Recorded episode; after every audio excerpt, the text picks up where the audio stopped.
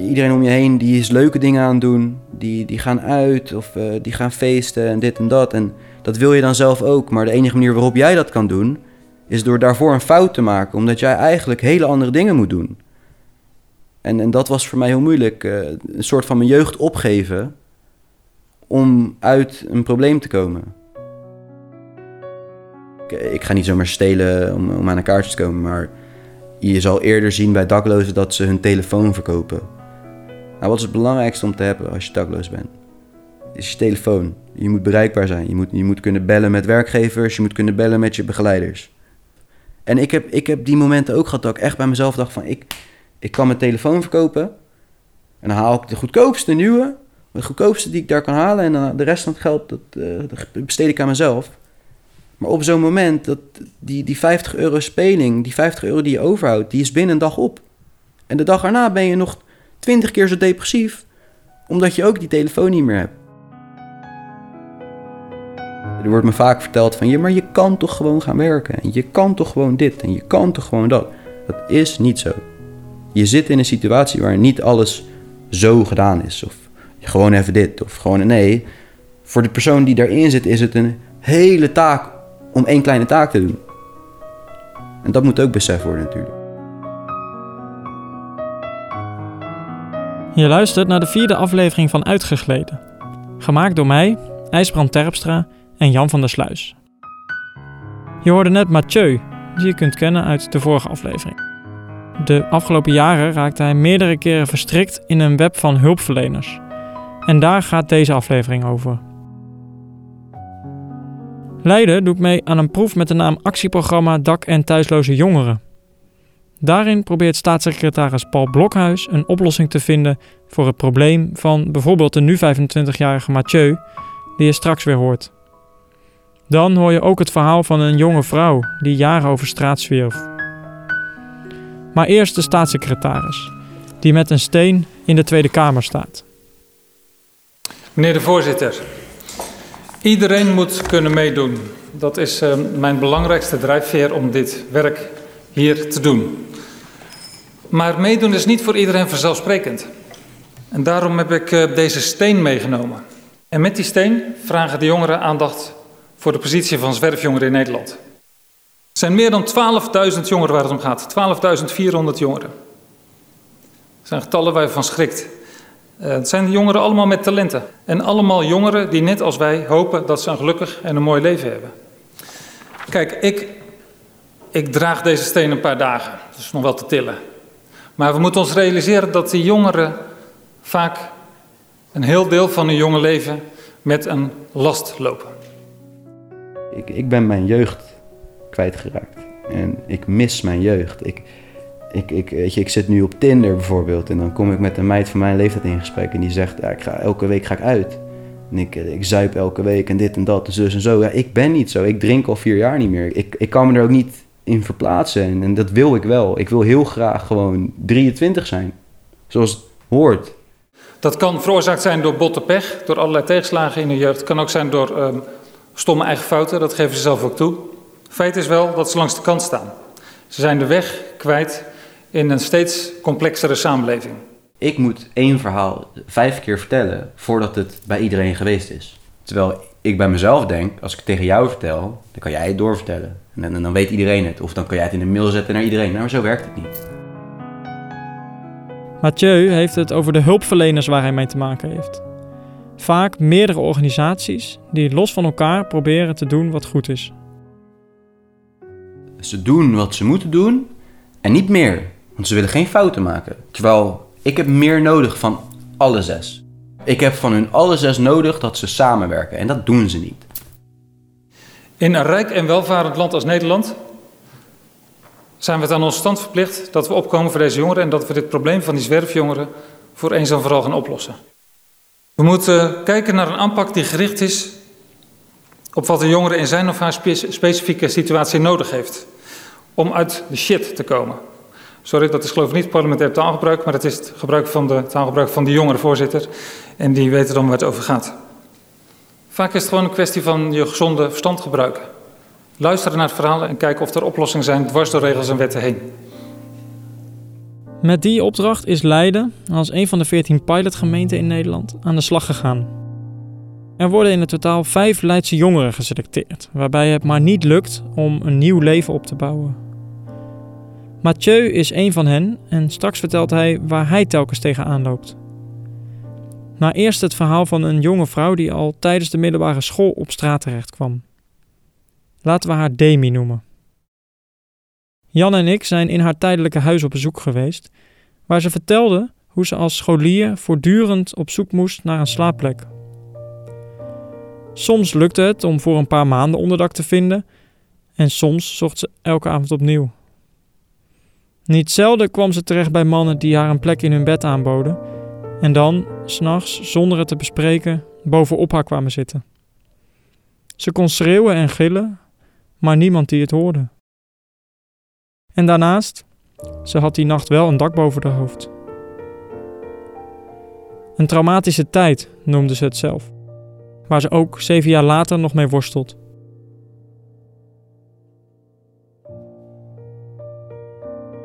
Ze heeft een dappere poging gedaan om haar verhaal in deze podcast te vertellen.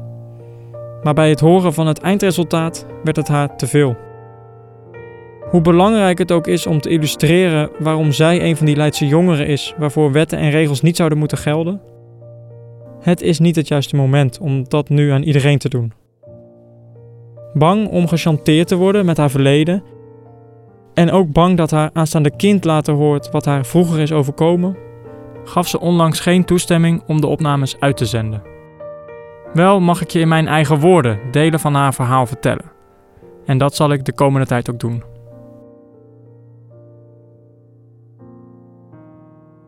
Voor zulke jongeren zijn de begeleiders vanuit de Binnenvest onmisbaar. Dat hoorde je vorige week al en ook Demi vertelde ons daar uitgebreid over. In aflevering 1 kwamen we een van die begeleiders per toeval tegen, toen hij een aantal jongeren thuis afzette. En hij weet precies waarom wetten en regels niet altijd moeten gelden als het om jonge mensen gaat.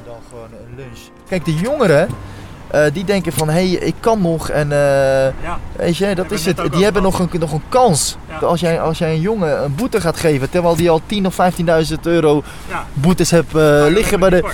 Ja, maar die gasten doet het niks. Het doet dus niks. Dus wat je moet doen, je moet het pedagogisch gaan oppakken. Je moet het op een hele andere manier. Dus uh, in contact komen met de begeleiders, kijken wat er mogelijk is voor de jongen. Dat werkt veel meer. En dit is de doelgroep die moet gewoon goed aangepakt worden op de slimme en de juiste manier. En, en dan ga je dingen bereiken. En dat hebben we allemaal voor eh, elkaar nodig. Het is echt, ik meen het echt hoor. Nou, mooi. We hebben wel contact denk ik nog gekomen ja, met jou. zeker weten. Dankjewel. Succes. Dankjewel. Toen uh, Jan en ik jou op de Rijnvreugd tegenkwamen, een keer dat herinner jij misschien niet, maar ik herinner me dat nog goed. Jij herinnert het jou ook nog wel. Uh, toen uh, zei uh, de begeleider toen achter het stuur zat. Weet je wat hij over je zei toen? Oh, wat hij over mij zei, dat is moeilijk. ik weet niet meer wat hij over mij zei. ah, ik weet het nog wel. Hij zei, het is een, een jongen als een voorbeeld. Ja. Ja. Nou, ik moet zeggen, ik, ik heb me ook vaak als voorbeeld gevoeld gebruikt. Dus dat ik, dat ik op, op locatie kwam en dat er een nieuwe jongen was... en dat er meteen werd gezegd, kijk, dit is Tjeu. Uh, hij is al zo ver en zo ver. Ga een beetje met hem om. Hij kan je echt wel een beetje de goede richting op sturen. En aan de ene kant heel fijn, want het geeft mij vertrouwen in dat ik goed bezig ben. Maar aan de andere kant werd ik wel in een situatie gestopt waarin ik anderen aan het helpen was. Terwijl ik eigenlijk met mezelf bezig moet zijn. Vanuit het actieprogramma wordt besloten om snel op zoek te gaan naar een eigen woning voor Mathieu. Die vaste basis zou namelijk wel eens de sleutel tot succes kunnen zijn. Ik heb in Alphen gewoond, Hazelswoude Rijndijk, Oesgeest. Ik heb in Leiden heb ik op verschillende plekken gewoond. Maar je krijgt dus een enorme bos met sleutels straks. Je hebt sowieso uh, allemaal nieuwe sleutels, dus de vorige bewoner die kan er niet meer in. Je krijgt één ding voor het afval. Je krijgt drie sleutels, dat zijn die grote van de centrale toegang. Je krijgt dan nog sleutels van de brievenbus. Dat zijn de twee kleine sleutels. Ik heb even meegeteld. En zeven handtekeningen heb je volgens mij gezet. Ik, ik, ik heb geen idee. Ik heb, ik heb elke keer maar gewoon getekend. Ik geloof het wel. Ja, dus jij hebt eigenlijk... Ik heb getekend dat ik hier uh, mag blijven volgens mij. het is een twee jaar traject. En dan uh, is het... Uh, in die twee jaar moet ik me gewoon aan, aan, de regels houden van de binnenvest en woningnet. En daarna, als alles goed is, dan is het van mij. Als het goed is, voor onbepaalde tijd. Dus eh ik, eh, ik heb wel rust in mijn hoofd nu. Ja, het voelt echt als een eh, nieuw begin. Als een echt, alsof ik nu mag beginnen aan, aan mijn nieuwe leven. En eh, daarvoor was ik gewoon echt aan het wachten op, op die kansen. Ja. En ook al misschien had ik die kansen wel om, om echt dingen te doen. Het, het, is, het was voor mij misschien wel te moeilijk om het vanuit zo'n situatie te doen. En is dan, eh, er is natuurlijk zo'n label, thuis en dakloos, je noemde dat zelf al net. Is dat dan nu eraf, nu je hier woont? Of wanneer is daar een soort van moment dat je dat niet meer bent? Dus dat weet ik niet, man. Ik denk dat ik dat ga voelen op het moment dat ik hier een tijdje woon. Het is niet, eh, het is niet zo in één keer dat je je anders voelt. Ik moet zeggen, voordat ik hierheen ging was het ook nog heel erg eh, onwerkelijk, om het zo maar te zeggen. Alsof het alleen maar een gedachte was die, die in mijn hoofd aan het rondspelen was. Van een eigen plekje. Ja. Die eigen plek is cruciaal. Dat blijkt ook uit het verhaal van Demi, die op dit moment zwanger is en in januari een kind verwacht. In het huis waar ze nu woont, een zogenoemde tussenwoning van de Binnenvest, is een kind echter niet welkom. Haar huisgenoot studeert nog en daarnaast past het niet in het beleid van de daklozenopvang. Naar een nieuwe woning wordt hard gezocht, maar die is niet zomaar gevonden. En ondertussen moet Demi aan de kraamzorg uitleggen dat het nog onduidelijk is hoe ze haar kind vanaf januari op kan gaan voeden. Dat zal de eerste twee jaar bovendien moeten zonder dat ze samenwoont met de vader van het kind. Een regel van de binnenvest is namelijk dat samenwonen niet is toegestaan zolang je hulp krijgt. En dat geldt in ieder geval voor de eerste twee jaar dat je een eigen woning hebt. In feite wordt Demi dus gedwongen om als alleenstaande moeder door het leven te gaan, terwijl ze daar zelf niet voor kiest. Een eigen woning, zonder beperkingen, dat is waar Demi van droomt. Maar zo'n woning is niet de enige oplossing. Vanuit de 10.000 euro die per jongere beschikbaar is in het actieprogramma, werd bijvoorbeeld een deel van de schulden van Demi afbetaald. En ze krijgt ook extra huursubsidie, omdat je in Nederland pas recht hebt op een volledige huursubsidie vanaf je 23ste. En die leeftijd heeft Demi nog niet bereikt.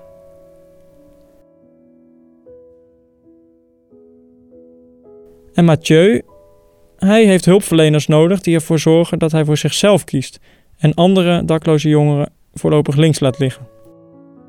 In een van de gesprekken die we met hem voeren, legt hij uit hoe hij onlangs weer enorm teleurgesteld raakte in iemand die hij op sleeptouw nam. Die jongen die, die komt niet uit Nederland. En die, die weet niet hoe het hier werkt. En, eh, en dan ben ik mijn best aan het doen om het allemaal aan hem uit te leggen. En eh, die jongen was ook... Die, hij mocht me echt. Ik weet zeker dat hij me echt mocht. Want hij vertelde mij dingen die, die niemand vertelde. Over, over de illegale dingen die hij wilde gaan doen voordat hij ze deed. Eh, ja, ik kan snel geld verdienen. Telefoons op, eh, op, eh, op naam, dit, dat, zo, zo. Ik zeg, oké, hoeveel geld krijg je? 500 euro voor vijf telefoons van 1000 euro per stuk. Ik zeg, oké. Dus jij hebt na vandaag 500 euro en morgen 5000 euro schuld. En ik heb hem gewaarschuwd van tevoren. Van, dit is een katvanger. Als je dit doet, word jij katvanger. Dan ben jij de lul, je houdt niks eraan over. Hij zei, nee, nee, nee, geloof ik niet, dit, dat, zo. Ik zeg, geloof het of geloof het niet. Wat er gaat gebeuren is wat ik heb gezegd. Nou, hij heeft het gedaan. Het is gebeurd. Hij is katvanger geweest. Prima. Daarna kwam hij naar me toe. Hij zegt, je had gelijk, dit, dat, zo. Ik zeg, ja. Maar nu moet je ervan leren. Als er nu nog iemand naar je toe komt met... Hé, hey, wil je snel geld verdienen? Weet je, of kom eerst naar mij en vertel het helemaal tegen me. Of zeg gewoon meteen nee. En hij maakt die fout opnieuw. En nu is er iets in, zijn gedachtegang veranderd. Dat, dat ik, omdat ik hem dom noem, is hij nu tegen mij. En, en alles wat ik doe is slecht. En alles wat ik tegen hem heb gezegd is slecht. En ik heb dus een jaar lang tijd en moeite in iemand gestoken. En wat krijg ik ervoor terug? Ik ben in die periode ben ik alleen maar met hem bezig over welke keuzes hij maakt en, en, en wat er rond hem gebeurt en hoe ik hem kan tegenhouden. En in die periode ben ik niet meer bezig met waar ga ik werken en hoe, hoeveel vrienden heb ik op werk en eh, misschien een leuke vriendin zoeken voor mezelf. Nee, ik ben constant bezig met die jongen om ervoor te zorgen dat hij niet die fouten maakt. Dus aan de ene kant een voorbeeld zijn is leuk. Maar aan de andere kant, weet je, ik, ik ben liever niet het voorbeeld, maar degene die wel goed bezig is. En is dat dan nu het geval, nu je hier in je Leiderdorp in je nieuwe huisje eh, zit? Of is, is dat nog steeds, ben je wel het voorbeeld? Nou, ik word nog steeds gebruikt als voorbeeld van als jij een bepaald traject volgt, kan jij dit krijgen. Want ik heb een bepaald traject gevolgd en ik heb dit gekregen. Dus dat, dat is goed om te laten zien. Goed om, om eh, die, die jeugd in ieder geval te, te laten weten van als jij dit doet, dan staat er wat op je te wachten. Want dat heb ik niet te horen gekregen. Maar ze moeten mij niet meer persoonlijk gebruiken. Ze moeten mij niet persoonlijk met hun eh, laten praten of eh, laten zeggen van ja, je moet zo en zo en zo doen. Want dan wordt het op mij afgerekend en, en dan, heb ik er last van. En dat moet niet meer. Een thema dat vaak terugkomt als we met jonge mensen praten, is vertrouwen. Demi vindt het bijvoorbeeld nog steeds lastig om mensen te vertrouwen, vertelt ze. En verliefd worden is een hele opgave. Daar word je kwetsbaar van en van die kwetsbaarheid is al veel te vaak misbruik gemaakt. En voor Mathieu gaat dat ook. Hij houdt bijvoorbeeld zijn nieuwe adres angstvallig voor zichzelf. Niemand hoeft te weten waar ik woon. Pas op het moment dat ik jou een keer meeneem, dan- dan zeg ik je nog niet mijn adres, dan neem ik je gewoon mee. Dan, dan kom je binnen, maar het is aan jou om te kijken welke straatnaam en welk huisnummer. Ben je, ben je daar veel voorzichtiger in geworden in de, in de afgelopen vijf jaar? Ja, vroeger zei ik alles tegen iedereen en eh, ik was bang voor niks en niemand. En eh, weet je, ik, eh, ik, ik, ik verwacht ook het beste van iedereen. En Dat, dat was een hele goede kwaliteit van mij, vond ik. Nu ik wat ouder ben en alles, met alles wat ik heb meegemaakt, ik zie niet meer snel het beste in mensen. Ik probeer het wel, ik, ik wil het wel, maar je moet me wel eerst overtuigen nu. En dat was vroeger veel minder.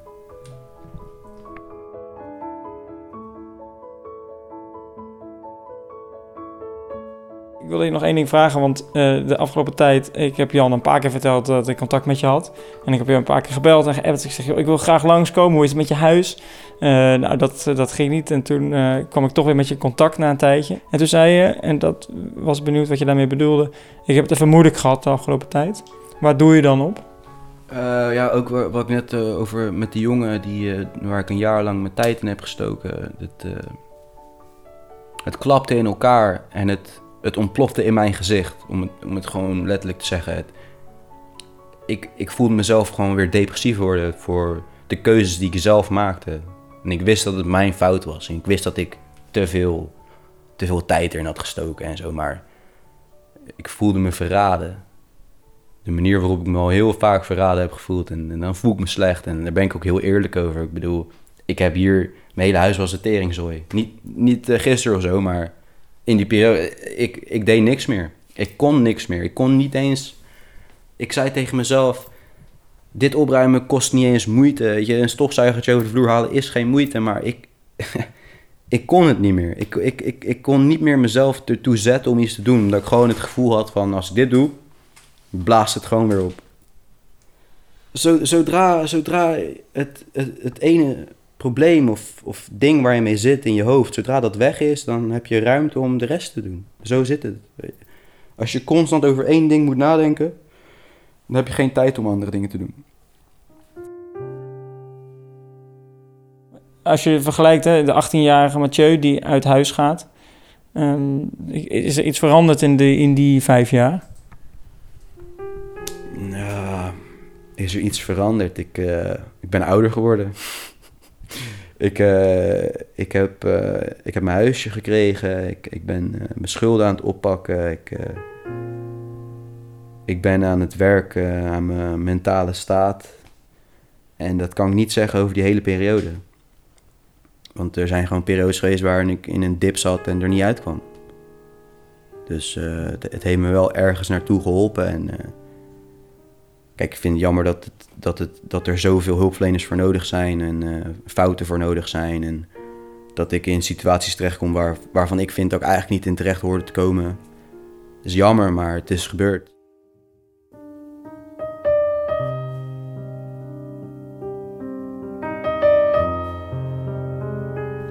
Je luisterde naar het vierde deel van een podcastserie over dakloosheid in de Leidse regio. Er komen nog zes delen en de volgende keer hoor je in uitgegleden. Bij een brand in een cellencomplex van Schiphol zijn elf mensen om het leven gekomen, allemaal gedetineerden. PTSS. Dan ben je blij mee dat je een diagnose hebt, maar dan, dan, dan ben je er nog niet. Want bij mij natuurlijk door die belastingaangifte en zo, die, dat was het punt dat het misging. En, ehm, en toen eh, liep je tegen burn-out aan en zo. Mijn vader werd zwaar depressief na de overlijden van mijn moeder. Mijn broer werd zwaar depressief. En ik, er werd mij verteld dat ik zwaar depressief was.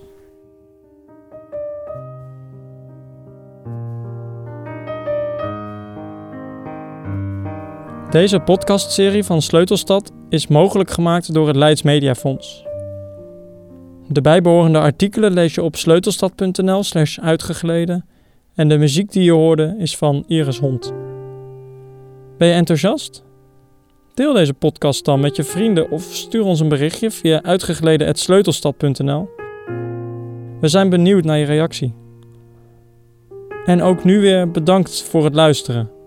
Tot de volgende aflevering. Ja, ik, ik heb het gevoel alsof ik onder mijn huid zit en heel voorzichtig zo eruit probeer te komen. Maar zolang ik in deze situatie zit, zal mijn huid niet loslaten.